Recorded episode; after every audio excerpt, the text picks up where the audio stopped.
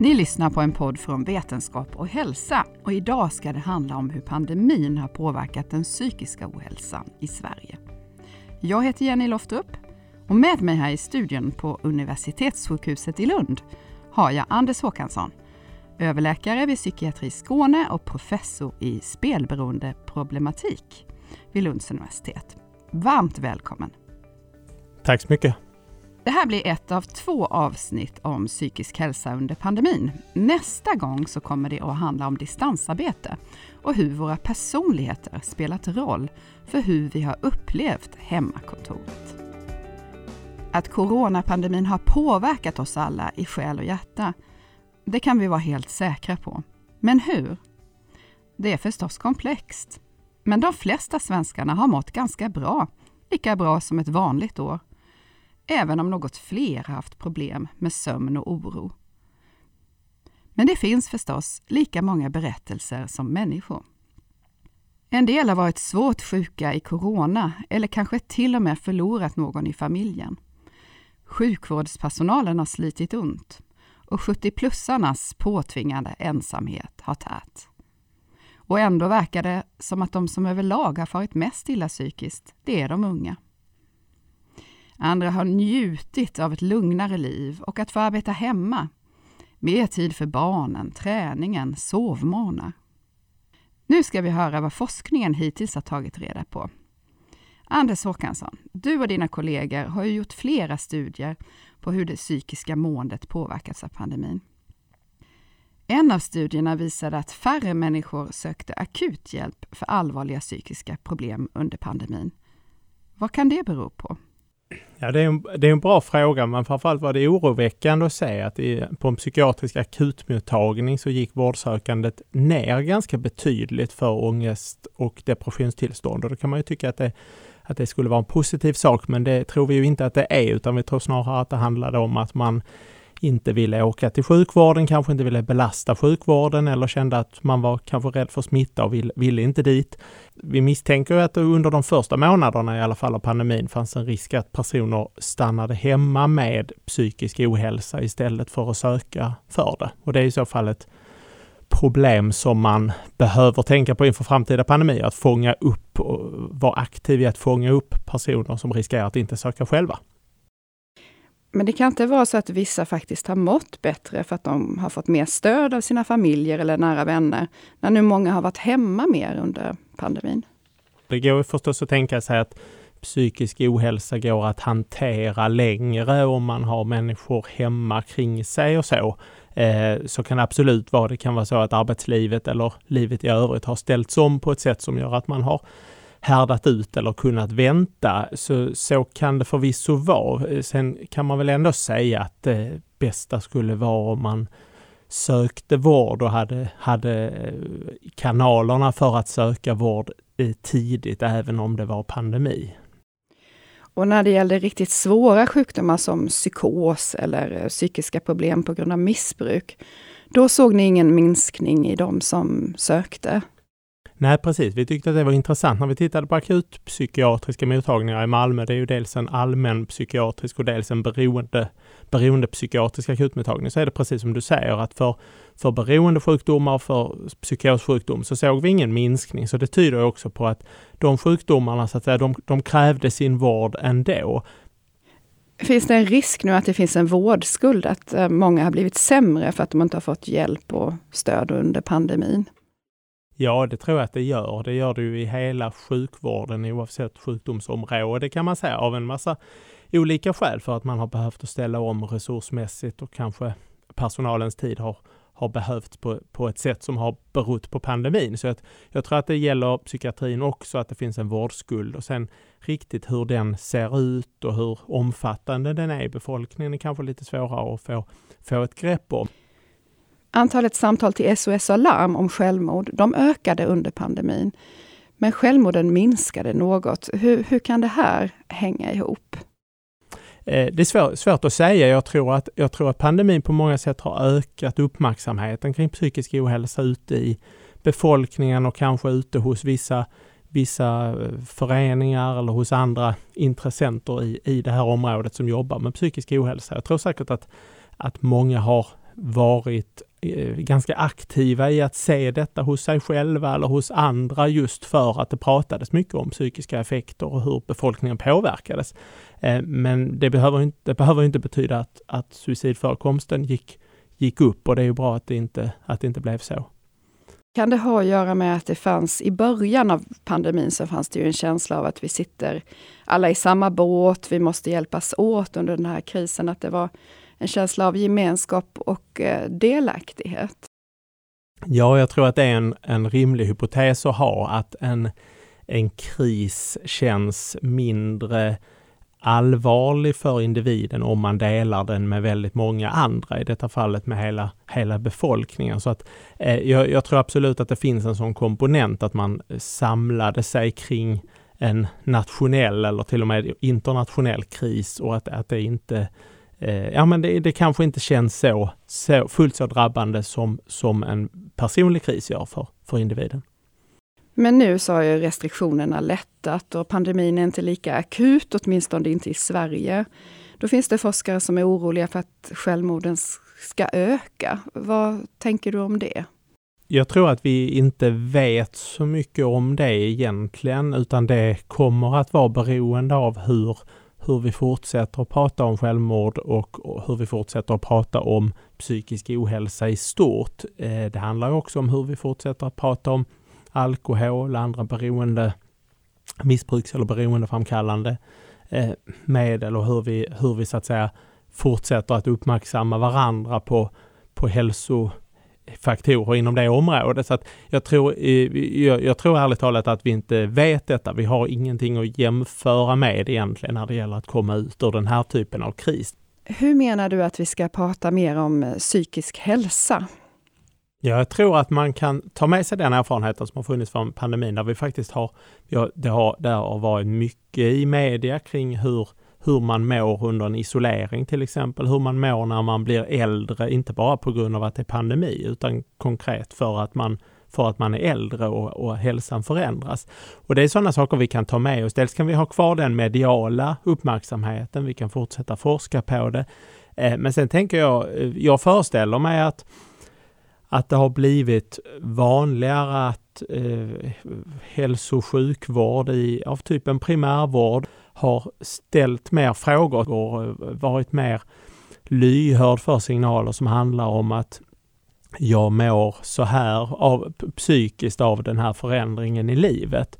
Eh, och det, eh, och att, att prata om det är lika självklart som att man mår Eh, på, kroppsligt på något vis sätt eh, av att någonting händer, tycker jag är, jag, jag, tror att det har blivit väldigt positivt. Jag tror också att vi har fått en, en uppmärksamhet på vad fysisk aktivitet betyder för hur vi mår psykiskt. Att koppla ihop, att röra sig i vardagen, att koppla ihop det med hur man mår psykiskt tror jag är en diskussion som fler liksom har blivit lyhörda för under pandemin och där vi kan ta med oss det.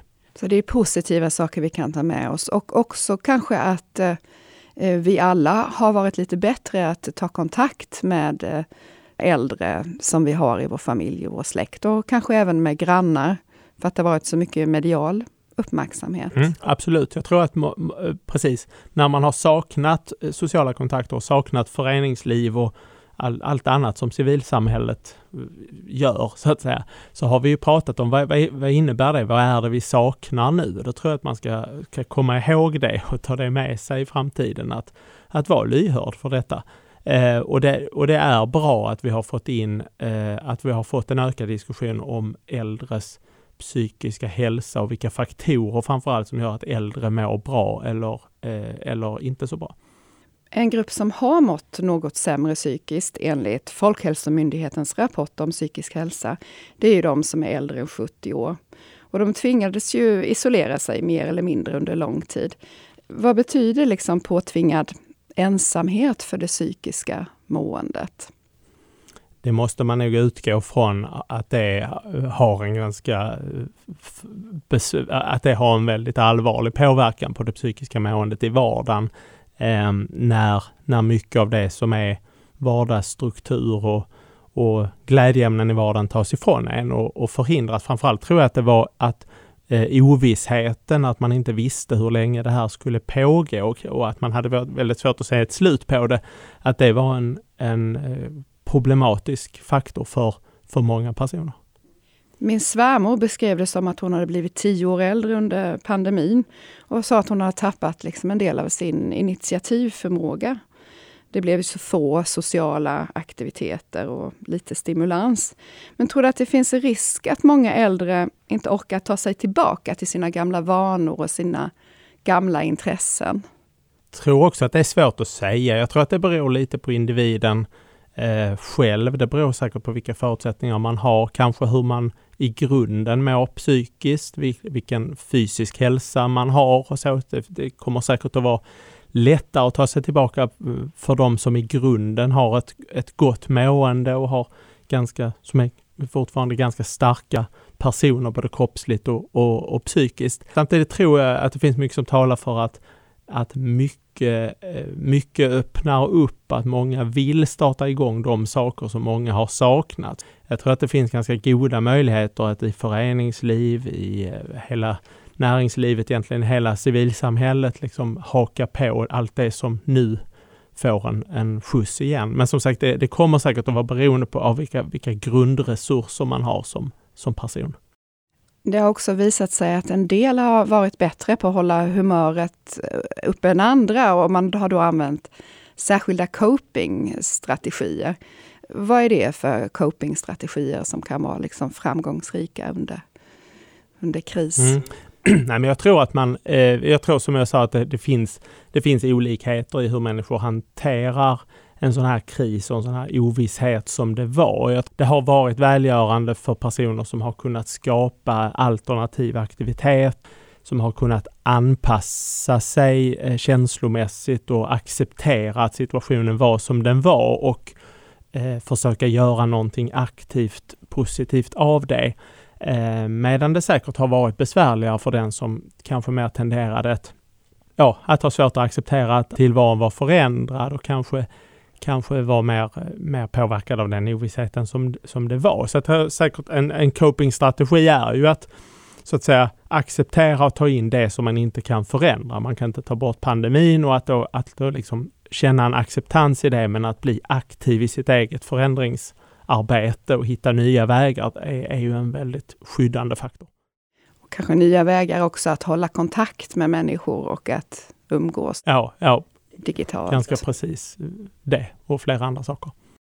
Du och dina medarbetare håller på att göra en studie om gymnasieelever under pandemin. Vad säger de preliminära resultaten där? Mm. Man kan säga vi, vi gör egentligen en studie som eh, både hos gymnasieelever och hos andra yngre vuxna som tittar på gamingbeteende, alltså dataspelsbeteende, eller skärmbeteende kanske jag ska kalla det.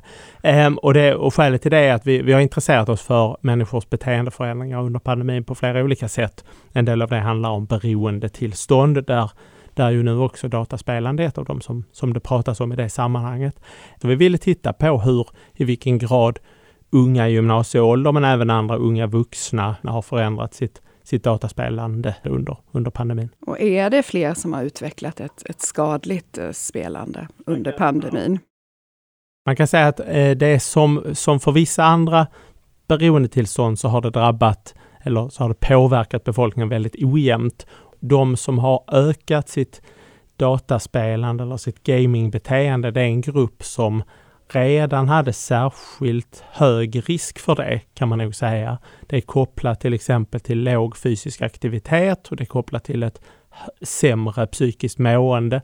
Och det är faktiskt också kopplat till dataspelsproblemet i sig. Så att precis som vi har sett för ett par, för vissa andra områden också, så ser vi att det, det här eh, tenderar att påverka negativt i den gruppen som redan hade högst risk för det. Är detta ett typiskt killproblem?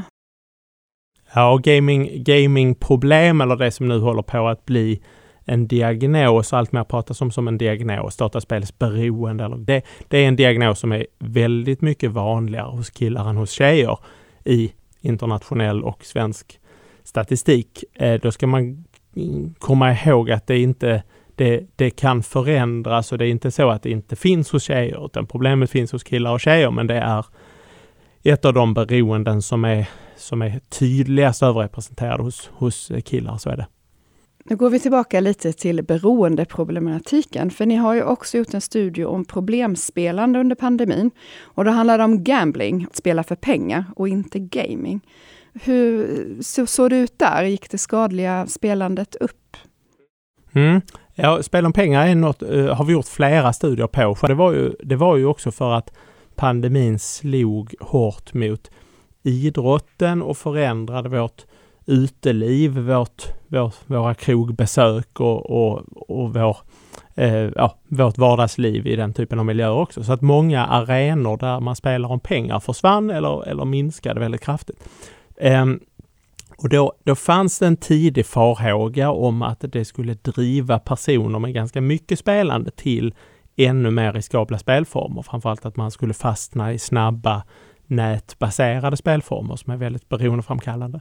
Då kan man säga så här att vi, vi, tycker att vi har fått en ganska tydlig bild från de olika studier vi har gjort. Personer med eh, spelproblem eh, som redan hade ett problematiskt spelande löpte absolut en hög risk att öka sitt spelande, men att spelandet i befolkningen i allmänhet inte gick upp utan snarare gick, gick ner. Så då var det även denna gången den här utsatta gruppen som eh, som tog det vidare, medan de flesta andra kanske till och med spelade mindre när det inte längre fanns eh, fotbollsmatcher. Och...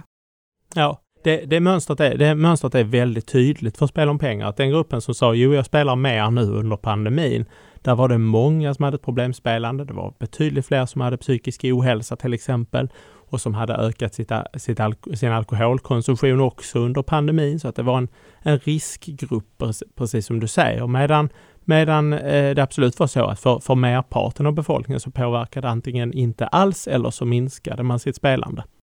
Vi är ju alla medvetna om att vårdpersonalen har slitit och haft det väldigt tufft under pandemin.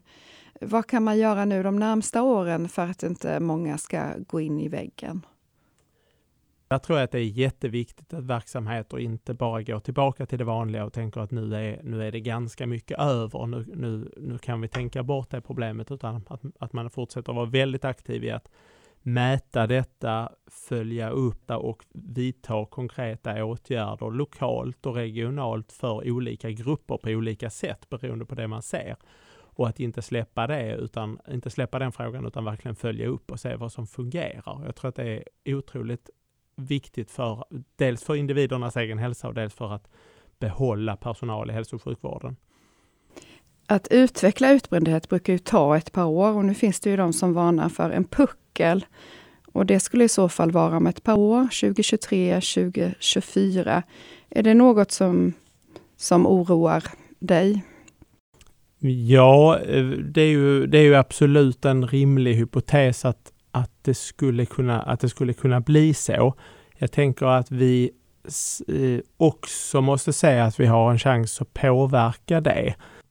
Det är lite som, som resonemang kring vårdskuld och så. Det, det här är ju också saker som eh, där det går att göra någonting nu. Man kan också tänka att nu blir allt som vanligt igen, men om man inte tänker så utan man istället Eh, sätter sig och fokuserar på vad finns det för risker som vi ser och, och, och mäter detta och mäter och forskar och följer upp så att man vet vad som, vad som fungerar och i vilka grupper de här besvären faktiskt finns. Så tror jag att, att man också har en chans att fånga upp detta så att det inte blir så. Den grupp som har ändrat sin livsstil mest under pandemin då, det är ju tjänstemännen. Alltså de som sköter sitt jobb framför en dator och har kunnat distansarbeta. Eh, men enligt eh, Folkhälsomyndigheten så har de ändrat livsstil åt båda håll. Vad påverkar om man liksom lyckas gå åt det mer hälsosamma hållet eller tvärtom, man fastnar i soffan? Mm, ja, det är, ju, det är ju en väldigt bra fråga egentligen. Det är inte säkert att vi riktigt vet det än.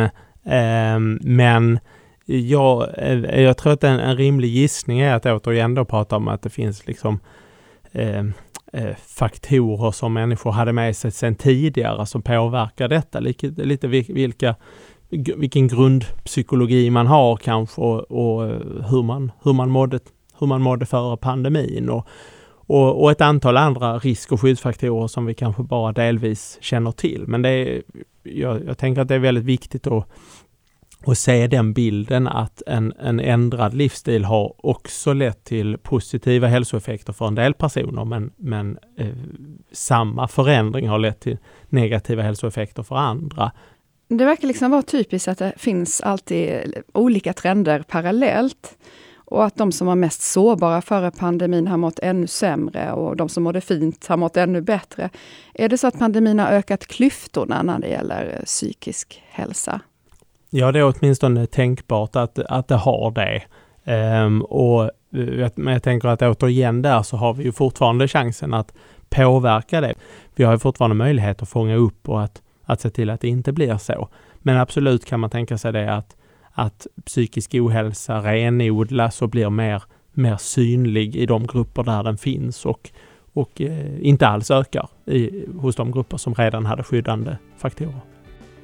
Och det fick bli den sista frågan till Anders Håkansson, överläkare vid Psykiatri Skåne och professor i spelberoende problematik. Stort tack för att eh, du kom hit. Tack så mycket. Du har lyssnat på en podd från Vetenskap och hälsa. Fler poddar och forskningsnyheter hittar du på vetenskaphalsa.se. Lyssna gärna på nästa avsnitt med psykologiforskaren Petri Kajonius då handlar det om hur våra personlighetsdrag har spelat roll för hur man har trivts med att arbeta hemma. Patrik Jävert har varit ljudtekniker och jag heter Jenny Loftrup. Tack för att ni har lyssnat!